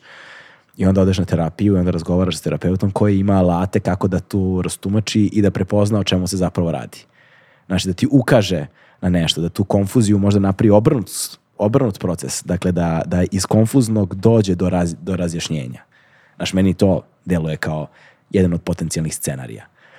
Ali mi se dopada taj ugao ovaj, u kojem, znaš, kao pričaš priču koju ne znaš nekome ko možda zna o čemu se radi. Znaš, to je Samo što ne mogu da zamislim koji bi to koja bi to bila publika u ovom slučaju. znaš, ko, ko bi to bili, znaš, možda nekome, možda naš na ono, uh, um, uh, neko, nekim, kako se, višim funkcionerima socijalističke partije da napraviš privatnu projekciju, da im pustiš film, znaš, ili tako nešto, ne znam koga tu ima još. Je, vrlo dobro. Znaš. Da, jer zapravo kako mi živimo u društvima gde mi nemamo sve informacije. Mm, nemamo, da. Ti, ti, ti, ti daš, znaš samo jedan deo uh, onoga što se dešavalo, motiva i tada politika ima to jednu neprozirnost, tako i drži moć, da, da, da, da ne možeš da znaš do kraja, što te naravno i drži u jednoj poziciji infantilizujuće. Da. Znaš, onaj ko, ko, ko ima znanje ima i moć, ko ima informaciju što se dešava. Ovaj, je, je. Znaš, to mi zeluje kao, kao zanimljivo, da se napravi jedna posebna projekcija da se dovedu ono, a, ovaj, ocvali i... Koji bi rekli, i... gledaj, da nemaš pojma, to se uopšte nije tako dešavalo. Da, da. Mnogo su bili složeni ili banalni ti procesi o, o, oko poništavanja izbora 2006. i 2007. Ali, ali je takođe zanimljiv proces u svemu tome, ono sad o čemu ja razmišljam kao eto sad nekoj hipotetičkoj situaciji, znaš, u kojoj sad recimo puštaš film nekim višim funkcioneri, funkcionerima socijalističke partije ovaj, Jugoslavije, jel, u to vreme, a, koji su tu dominantne figure bile i u donošenju važnih političkih odluka koje su nas vodile putem koje su nas vodile i sad preživeli mi ovaj, a, a, a, i dovoljno naš preživelim članovima tog sveta, koji, tog vremena, koji ako bih sad njih ne okupio nekog hipotetičkoj situaciji na mestu i pustio im film, ono što mene u tom slučaju zanima jeste, pošto ovo priča jednu intimnu priču, znaš, priča jednu isprepletanu priču, ono, a, porodičnu, emocionalnu, dosta kompleksnu, a, pored onoga što je bio zvaničan društveni narativ, politički narativ, pardon, ovaj, da li bi to možda onda probudilo pitanja kajanja, savesti uh, nekog drugačijeg odnosa prema prošlosti. Razumeš? Da li bi... A, Da li, gle, gle, ne, ja... mm. Ja sam jako protiv neke bilo kakve moralizujuće funkcije umetnosti. I nikako ne bi imao nameru da pravim film koji će kod nekog da, da, da pravi vi to i uopšte Če, ima nešto što, što, što ja volim umetnosti i što mislim da, da treba se brani, a to je njena inutility. I, i da, da, da to pravi jedan prostor e, slobode koji je jako bitan da, da, da se sačuva u društvu. Da, da i ima dosta tih nekih romana, filmova e, iz XU koji kao da im je zadatak da, da, da trebaju da, da ispričaju istoriju šta se desilo. A to nije zadatak filma. da, To da. nije zadatak umetnosti. I ona ne može to da uradi. Znači, Da, da, da. to je potreban istoričar koji ima metodu istoričkog, istorijskog proučavanja, koju ja ne znam ili sam studirao istoriju. Ovaj, uh, to je jed... No, ovo neka moralna funkcija umetnosti, to sveštenik, policajac, ja apsolutno... Znači, ima super ta stvar, uh, B- Bergman u, u uh, Lanterna magika ka- ka- kaže da je njegov prvi imperativ zabavljaćeš. Bergman koji je ipak jedan vrlo intelektualan reditelj ili važi za intelektualnog reditelja ovaj, ali svakako nije neko gde ti je prva asocijacija da je zabavljač. Da. Ovaj, tako ja mislim da je vrlo bitno da, da, da i- čak i ta, uh, ono što mene sve više me nervira, um, politički aktivna umetnost. Mm. Znači, uopšte ne verujem to. Pa ne, mislim, to je jedna fikcija, potpuno sad kao nešto, znači, ono, kao izložiš u momi uh, rad koji uh, brani prava radnika eksploatisanih u Šrilanci koji će da vidi uh, sto ljudi sa Manhattana i buržuazije i kao veruješ da će to, da to nešto menja. Ne, ako hoćeš da, da politički uh, nešto menjaš, onda trebaš da deluješ kroz politiku. to prebacivanje nekih funkcija umetnosti koje nisu njene je jako loše. Mislim da je formalno lo, loše za forme i mislim proizvodi jednostavno lošu umetnost. Znači, Znaš, nika, nikako da, da, brehtovski, znači. A? nikako brehtovski, znači. Je, ali pazi, uh, Brecht uh, je izmislio jednu formu koja emancipuje gledalca. Aha. Ono što, što, što je kod njega moćno je ta forma koju izmislio. Da. Ovo što, što, što, što ja kritikujem je, je davanje nekih, u stvari, funkcija umetnosti koje nisu njene. Aha. Da, da, da. Ovaj, a Misliš na FAO efekat, to? Brehtov. između ostalog. Ok. Ovaj, al, uh, mislim, Pazi, da, u stvari razumem šta hoćeš da kažeš. Dakle, umetnost može da kreira određenu unutrašnju dinamiku u tebi, ovaj, da te osvesti ili da ti recimo pre, predstav, prikaže neki novi ugao gledanja ili da te angažuje tako da ti izađeš kao malo promenjena osoba. Znači, osoba pre i nakon nekog umetničkog dela, da, bude, da se desi neka, nekakva koliko god mala minijaturna metamorfoza. I onda ti nastavljaš dalje u životu, sad, sad imajući svest o nečemu čemu možda nisi imao svest pre toga. I postupaš u skladu sa tim ili ne postupaš tvoja odluka kako ćeš u životu. Ali nema zadatak da to uradi. Nema zadatak da te promeni, znaš, nego samo visoka, velika umetnost ima mogućnost da ti osvetli nešto, ali ne nužno da zahteva od tebe nekakav postupak na tu temu ili da proizvede nekakvo osjećanje griže savesti ili krivice ili bilo čega drugog moralizujućeg u tom pogledu. Ne, ne, ne, Da, da, da, to, to, da, to, razumem, razumem, razumem. I ovo, i imam- i, i u vezi s ovim drugim što si pomenuo, isto kao, pominjali smo, um, recimo, istorijske romane, ovaj, koji su pre svega romani, a tek potom istorijski, koji su možda istorijski tačni, ali se ne koriste na katedri za istoriju kao udžbenici, nego su samo iskoristili, uzeli istorijsku građu kao motiv za kreiranje umetničkog dela. I koristiti njih kao izvor istorijskih činjenica je pre svega neozbiljno i neodgovorno. Tako da, bez obzira što su istorijski tačni podaci, oni se ne uzimaju kao istorija, nego se uzimaju samo kao građa za kreiranje novog umetničkog dela. I on se to umetničko delo prikazuje kao autentična umetnička stvar koja nema u suštini nikakve veze sa ono s datim trenutkom u vremenu, jer ukoliko bi ona imala veze sa datim trenutkom u vremenu, onda bi odgovarala na pitanja samo iz tog vremena. I onda kada bi to vreme prošlo, u budućnosti ne bi mogla da živi, jer bi bila hermetična za vreme posle jer bi bila deo istorijske stvari, kao što je, na primer, Rat i mir Tolstojev. Znači, Rat i mir Tol, Tolstojev je istorijski tačan roman, ali nije učbenik iz istorije i živi mnogo godina nakon istorijskih događaja koje pri, oslikava. Je to mi nismo I vremena i društva. Jer kako ko smo, na, kako, kako kaže Hegel, narodi bez države su narodi bez istorije mi nemamo istoriju tu. Zato se, na primjer, od književnosti očekuje da napiše istoriju. Zato ta, ta, to mesto koje je dato Dobrici Sosićicu, koji za mene je jedan jako loš pisac. To je, ta rečenica je katastrofalna. Dakle, to je nečitljivo. Ja ne znam kako neko može čitati, to je loše.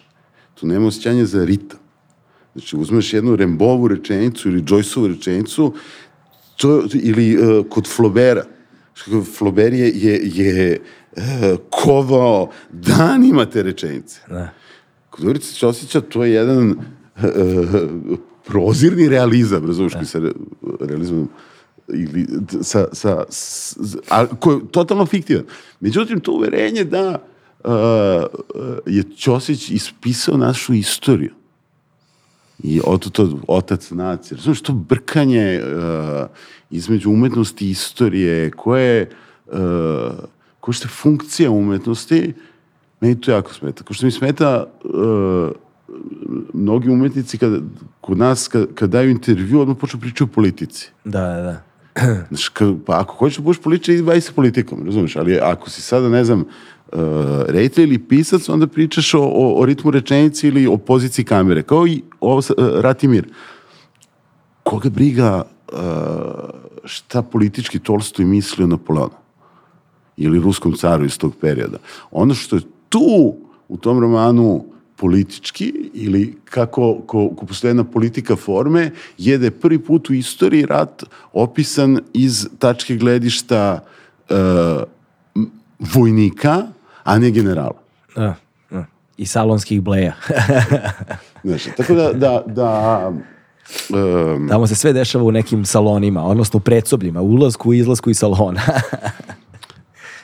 Znači, za mene fikcija nije laž, fikcija je jedan način da, da, da promisliš jedan specifičan način da, da promišljamo određene teme. Mm. I taj jedan, barem ono što ja volim u umetnosti, zašto volim umetnost ka, ka, kad sam na mestu gledalca ili čitavca, je ta jedna sloboda ko, koju mi koju mi ostavlja umetnička dela. Mm, da. Zato imam taj problem, film koji bih hteo da proizvede kajanje, krivicu. A, ne, nikako. Ne, nikako. Da, a znaš ja mislim to... da je vrlo bitno da ono što je zaista uh, politički, ne šta ja sad mislim da sam ja politički aktivan kroz svoj film, sve teke budalaštine koje potpuno ništa ne menjaju, je koje mesto gledalca praviš. Meni je jako bitno da ono mesto gledalca koje projektuje film mm. je jedna ličnost koju ostavljam slobodno. E, primer za to, neću da otkrijem kraj filma. Jasno, jasno. Ali, mislim da je bilo jako manipulativno da sam gledalca poveo do kraja sa junakom. Jasno, jasno, jasno. Ja sam pustio da junak izađe iz kadra, a ti kao gledalac Zaključi. ostaješ. Da, da. Dakle, nema te ne emocionalne manipulacije koje bi sigurno napravila film negde uh, jačim, me, za mene ne, ne bi bio jačim. Ali to što radi hollywoodski filmovi, da uh, u stvari postoji jedna efikasnost kroz informacije, da s- ako nas je sto u sali, svi smo videli isti film. Da, da, da, da, da, da. Meni e, bi san bio da, da ako je sto gledalaca u stali, da su videli sto filmova. Jer film postoji samo kao ono što se dešava između ekrana i gledoca i bar ja pokušavam da ostavim dovoljno prostora da, da, da gledalac bude aktivan i da domaštava film. Da, zapravo to me podsjeća na onu razliku između naučnog i književnog jezika. Književni jezik je, knji- književni jezik je konotativan, a naučni jezik je denotativan zapravo. Ide, za, i, I razlika je tome, na pri, to je najbolji primjer koji smo dobili jednom prilikom, kaže naučni rad je nešto što daš 30 ljudi u prostoriji, svima daš jedan isti tekst i svi pročitaju tekst i svi dođu do istog zaključka. To je dobro napisan naučni rad. Ne, ovaj, a umetničko delo je daš 30 ljudi daš isti tekst i svih 30 ljudi do, dođe do potpuno drugačijeg zaključka.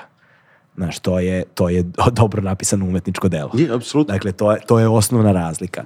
Što je u naučnom jeziku rečenica transparentna i samo pokazuje iza te transparentnosti stoji ako strelica koja usmerava ka jednom jedinom logičkom zaključ, logičnom zaključku, dok ovaj, umetnost radi u obrnuto. Svaka reč ide u svim smerovima i može se povezuje sa bilo čime, otvorena za slobodno asociranje ideja na bilo kom nivou Je, raskrstica. raskrsnica, svaka rečenica je, svaka reč je raskrsnica. Ovaj, I ono, kružni tok, bilo šta od svega toga, gde naravno kontrolisanje praznog prostora je ono što je veličina do, velikih pripovedača, ali to je sada druga tema. Ali mi se dopada ovo, da, u, o, čemu, o čemu govoriš zapravo. Dakle, ta razlika da, da, da U je... svakom slučaju to ono što sam ja, kad sam otkrivao umetnost i zavolao umetnost, to mi je umetnost dala.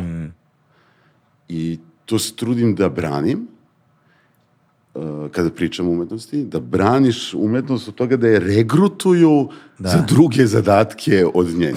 E, ali to jeste inače specifičnost našeg podneblja u kojem su mnoge aspekti društvenih i nauka i umetnosti i kulture uopšte instrumentalizovani za građenje tih nacionalnih mitova i nacionalnih identiteta veštački upumpanih posljednjih ko zna koliko decenija unazad. Dakle, istorija je prva kao nauka postala instrument, a ne naučna disciplina sa svojom metodom, sa svojim metodama i principima rada. Naučnim, na, naučnim metodama i principima izučavanja. Dakle, koja je ono otvorena i da se izmeni, i dopuni i promeni i sve u zavisnosti od argumentacije i novih činjenica koje dođu koje se osvetle kroz vreme, kroz naučne radove koji opet imaju svoje metode i načine rada i sistematizacije, je li tako? Ovaj, a kada je ona postala instrument za kreiranje određenog društvenog narativa, tog trenutka je ona prestala da bude naučna disciplina. Tako je bilo i sa brojnim umetnostima koje su se koja, umetničkim ovaj, delima, po znacima navoda, jer ne možemo da ih nazovemo umetničkim, koje su postala propagandna dela u suštini da bi se kreirao određeni društveni narativ. Tako smo i došli do svih ovih stvari do kojih živimo danas, koje sad treba nekako dekonstruisati, osvetliti i adresirati na neki način. I vratiti umetnosti onu njenu poziciju koju, je, koju bi trebalo da ima uvek, koja negde ne može da ju se uzme, ali je teško u šumu svega što se dešava doći do onoga što je zapravo autentično umetničko delo. I mi zbog toga vrlo često neke od tih dela ne možemo ni da vidimo, niti da ovaj, teško dolazimo do njih i ne dobijaju prostor u javnosti zato što prava umetnost bi sa tog aspekta onda bila opasna po takav sistem. Znaš, to je Ja ono. mislim da je svaka prava umetna to opasna po svaki sistem. Pa da, da. Apsolutno. I, i,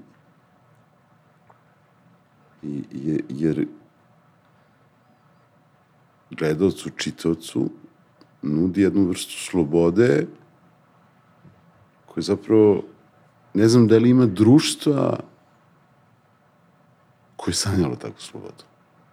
Ja tu volim umetnost. Znaš, da, da, da umetnost oslobađa. Mene u svakom slučaju oslobađala i sećam se to, tog otkrivanja, ne znam, Remboa tokom 90-ih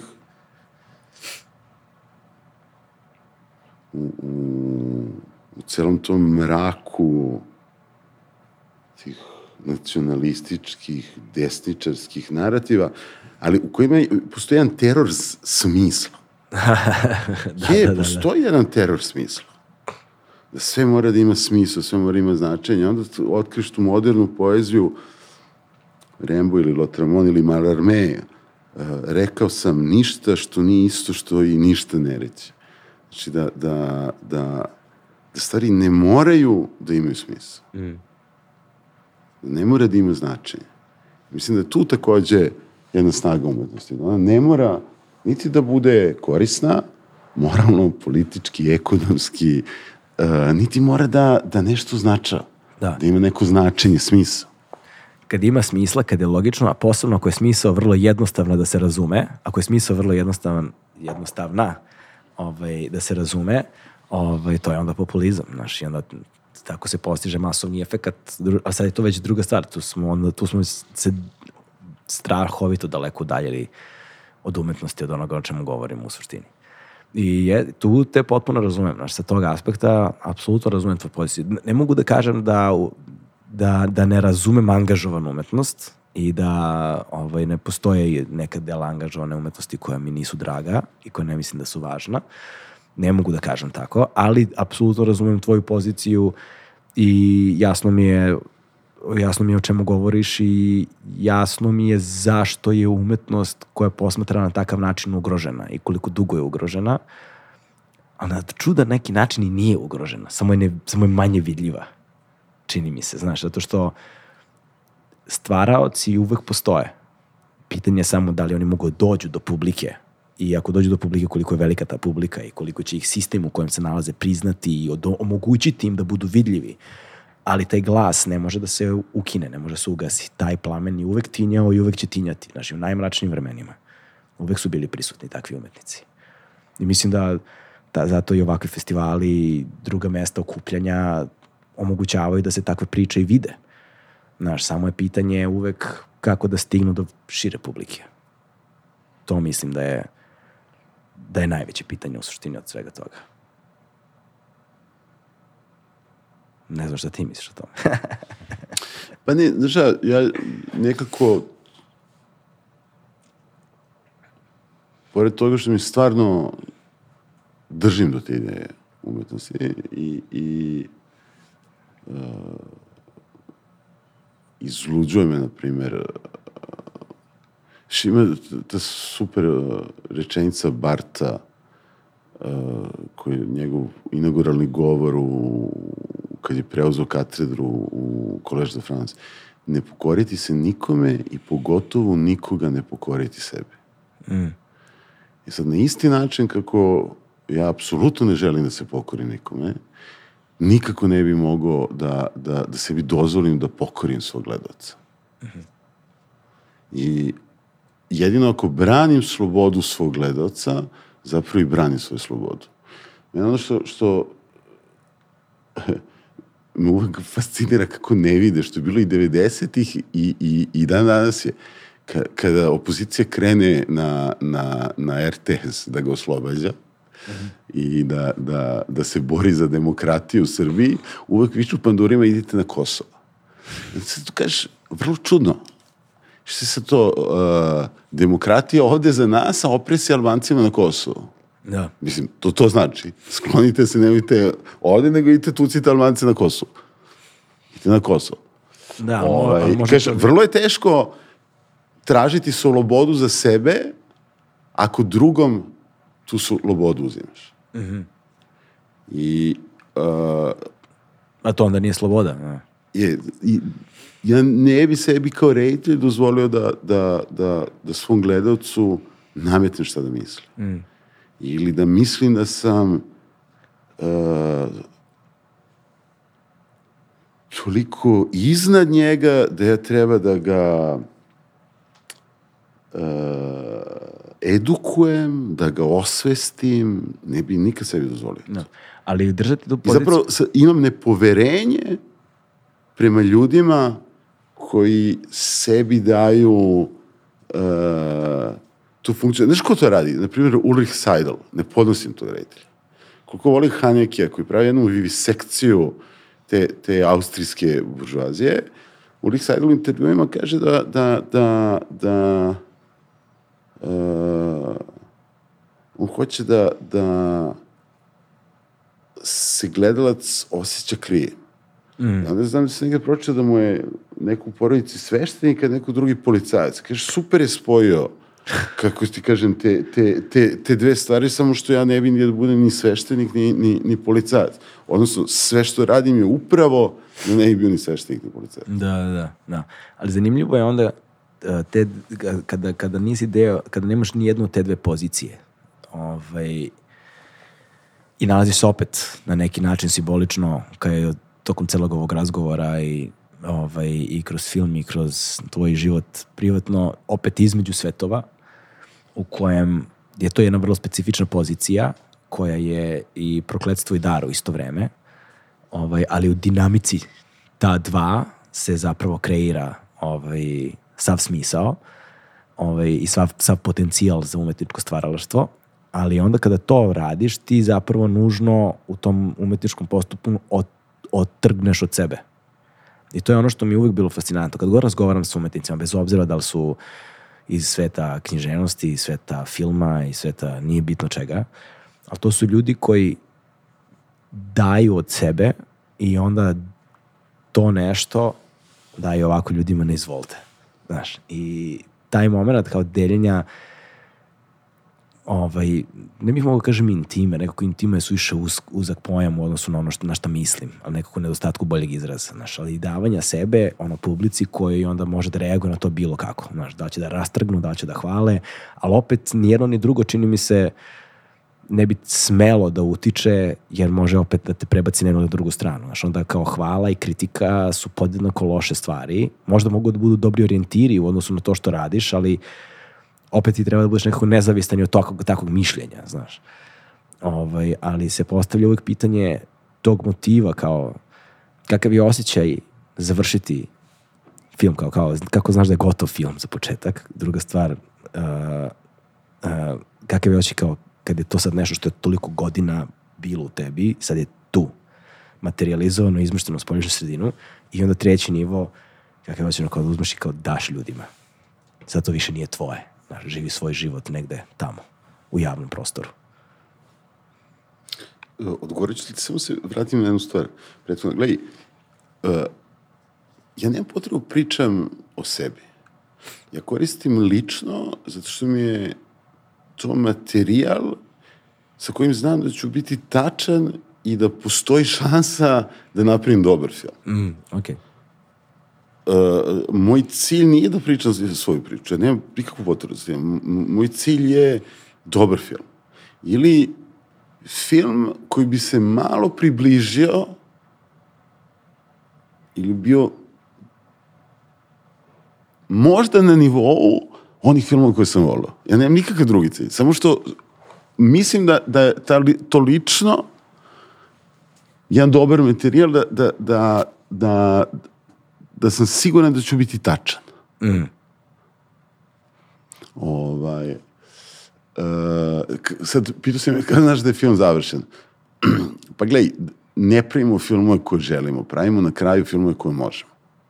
Znači, ali ipak uh, ima neki okvir koliko možeš da snimaš, kad moraš da završiš montažu. Uh, tako da, da ima nešto malo i od performansa u pravljanju filma. U svakom slučaju sam ja uh, pošto imam neku obsesiju detalji, ima i ima nešto od perfekcioniste kod mene i mogu bi da radim do besvesti jedan film. Sad, kako sve to košta, shvatiš da, da, da ipak moraš da imaš neke okvire i onda shvatiš da to, da, da je film trag tog performansa. Znaš, sa, sa nekim oželjcima, sa nekim uh, nesavršenim stvarima, kao što prihvatiš da večera smo imali, kako se zove, koncert i možda nije bio savršen, ali to je bio taj koncert tada. Znaš. Tako i sa snimanjem, ti moraš da budeš talentom, snimaš tu scenu, ne znam, u, u četiri popodne, možeš da budeš talent da to taču u četiri popodne. Da. To nije slučaj sa piscem, ali jeste recimo sa pijanistom, znaš. Tako da sam ja to prihvatio da, da, uh, da, da je film ujedno i trag tog jednog performativnog akta pravljenja i i onda kažeš, ok, to je film koji smo u tim uslovima mogli da napravim. Ili film je trag uh, tog snimanja. Uh, treće je bilo kako se osjećaš kada daš, a šta je bilo drugo? Sad sam zaboravio, dakle, um, prvo je bilo kako znaš da je gotovo, drugi je kada, kada je osjećaj kada je to što je dugo godina bilo u tebi se materializovalo, sad i kao posmatraš ga sa strane. I treća stvar je davanje to u javni prostor. Kao gotovo je. Znaš, toliko veliki proces u kojem je prošlo sve to što se desilo. Prvo je bila ideja u tvojoj glavi, pa je nastajao scenario koji je imao tri različite verzije, pa je Pa je onda da nismo ni pričali o tome kako izgleda taj, jer ja tome ne znam ni kako bih pričao, o tome ne znam ništa, ono, to kao traženje para, produkcije, naš neki ono administrativni deo posla koji je ono ko zna kako to sve funkcioniše ko, ko ljudi u tome ono učestvuje. Pa onda castingzi, naleženje tih naturščika, pa onda provodiš šest meseci ono sa kamerom snimajući, posmatrajući dok se oni uklope, dok ti pokupiš njihove ono navike, ponašanje, kako će prirodno da sede na zidiću, šta ti ja znam, sve živo, pronalaženje lokacija, stanova, pa prolaženje kroz sve te nedelje snimanja sa svim tim ljudima u svemu tome, pa onda uđeš u montažu, pa cela montaža, postprodukcija, pa te treba da se radi bira, pa se radi zvučna slika, pa se radi muzika, pa se radi miks svega toga, pa on onda na kraju kao gotovo je jebo. Znaš, kao gotovo je i kao idemo sad u Kan na premijeru. Znaš, taj moment kao vidi ovo, završeno je. Znači, to je... To je... Znaš, u jednom trenutku je, je, je kad završiš, je olakšanje u smislu, oh, konačno. Je, filmovi su kao neki vampiri koji ti crpe užasno mnogo energije, jer ima tu nešto od jednog građevinskog posla. Mm. Baš građevinskog i jednog inženjerskog, zašto ima cela ta tehnička uh, dimenzija. Uh, sad, ja svaki put kad radim film, sam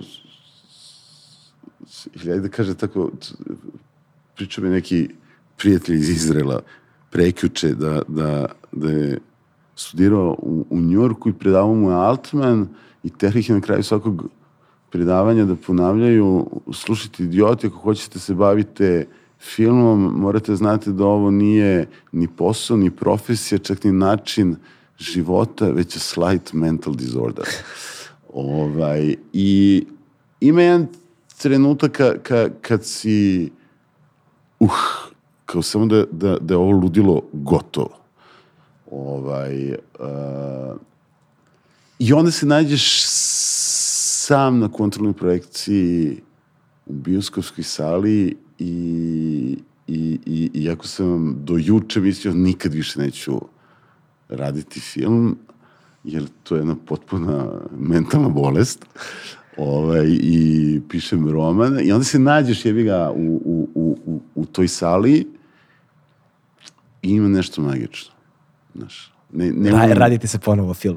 je, i onda kažeš, mm, sve, sve, sve, sve, sve, sve to je vredilo ovaj, zbog te jedne magije koja se dešava u crnoj bioskopskoj sali da nešto počne, jedan život ko uhvaćen na, na, na ekranu. E sad to naravno kad je film uspeo. Ovaj, kad film nije uspeo, to je jako, jako, jako uh, bolno.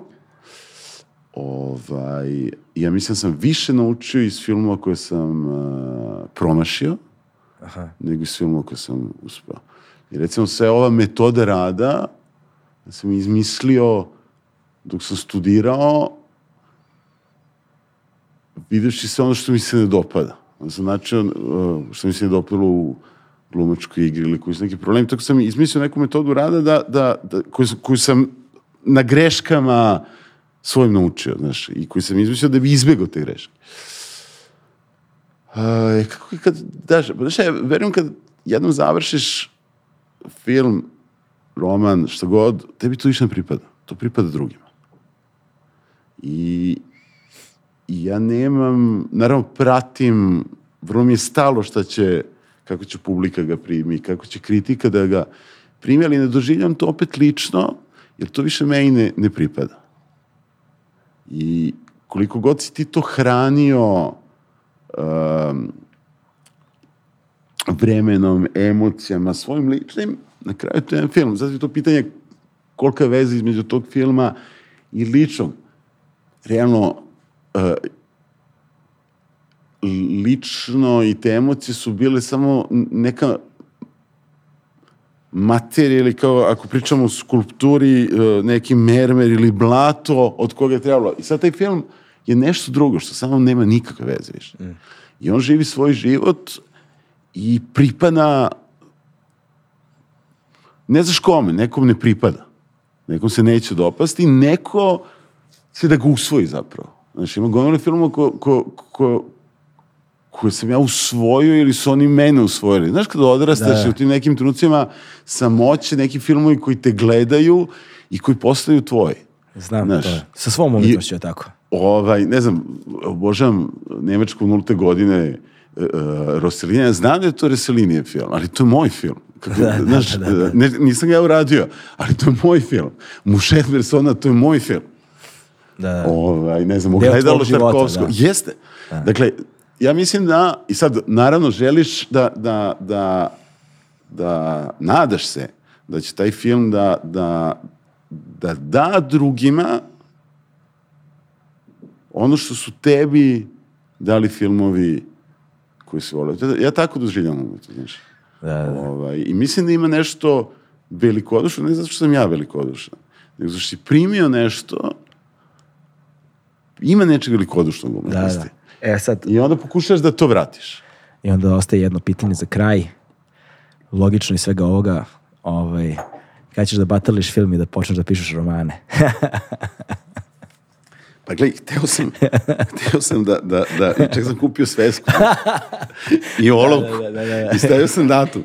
Međutim, onda moraš da pratiš film po festivalima, da. a pisanje zahteva samoću, tako da treba to, ne mogu da nađem tu samoću da, da, da, da, da, da Samo, samoću da i ovaj, fizičko odsustvo interneta. Znaš, to je to je u procesu. Da isključiš mobilni. Da isključiš mobilni telefon i kako, su, kako je Jonathan Friends zapisao vremena, uzme šrafciger i razvali ulaz za internet ovaj, u kompjuter i onda ne može, i da hoće da se okači na internet, ne može. Aha. to je, znaš, to je, to je, to je cilj. Moraš sab, da sabotiraš samoga sebe jer ne možeš da veruješ sebi. Da, ja, ja u stvari, kad god uspem se povežem sa svojom samoćom, dakle da sabotiram ovaj deo sebe ko, ko, koji beži od toga, stvari sam vrlo dobar u tome. Mm. Volim, volim svoju samoć na neki način. Samo što, samo što su ti trenuci sve ređi i ređi. To je problem. Ovaj, zbog čega je Sarajevo Film Festival neprocenjiv za tebe?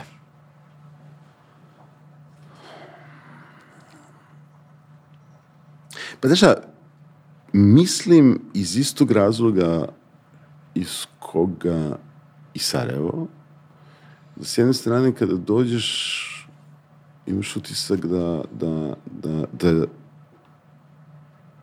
da nije grad, da je palanka, da ima nešto provincijalno.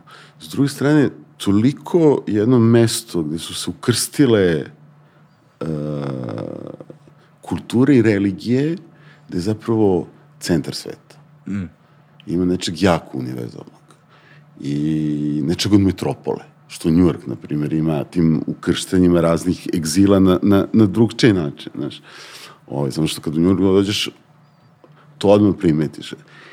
I to je jedna misterija Sarajeva i mislim da, da je to činilo da, da uh, kao Sarajevo Jugoslavija u malom, da je to bila i energija Jugoslavije, u svakom slučaju ono što, što sam ja volio i što i danas volim se Jugoslaviju. I čini mi se da, da i festival uspeva na, na izvestan način da, da napravi to u svakom slučaju za, za, za regionalne kinematografije. Mm. Hvala ti, Kućo. Hvala. Hvala ti, to je to. Stigli smo do kraja.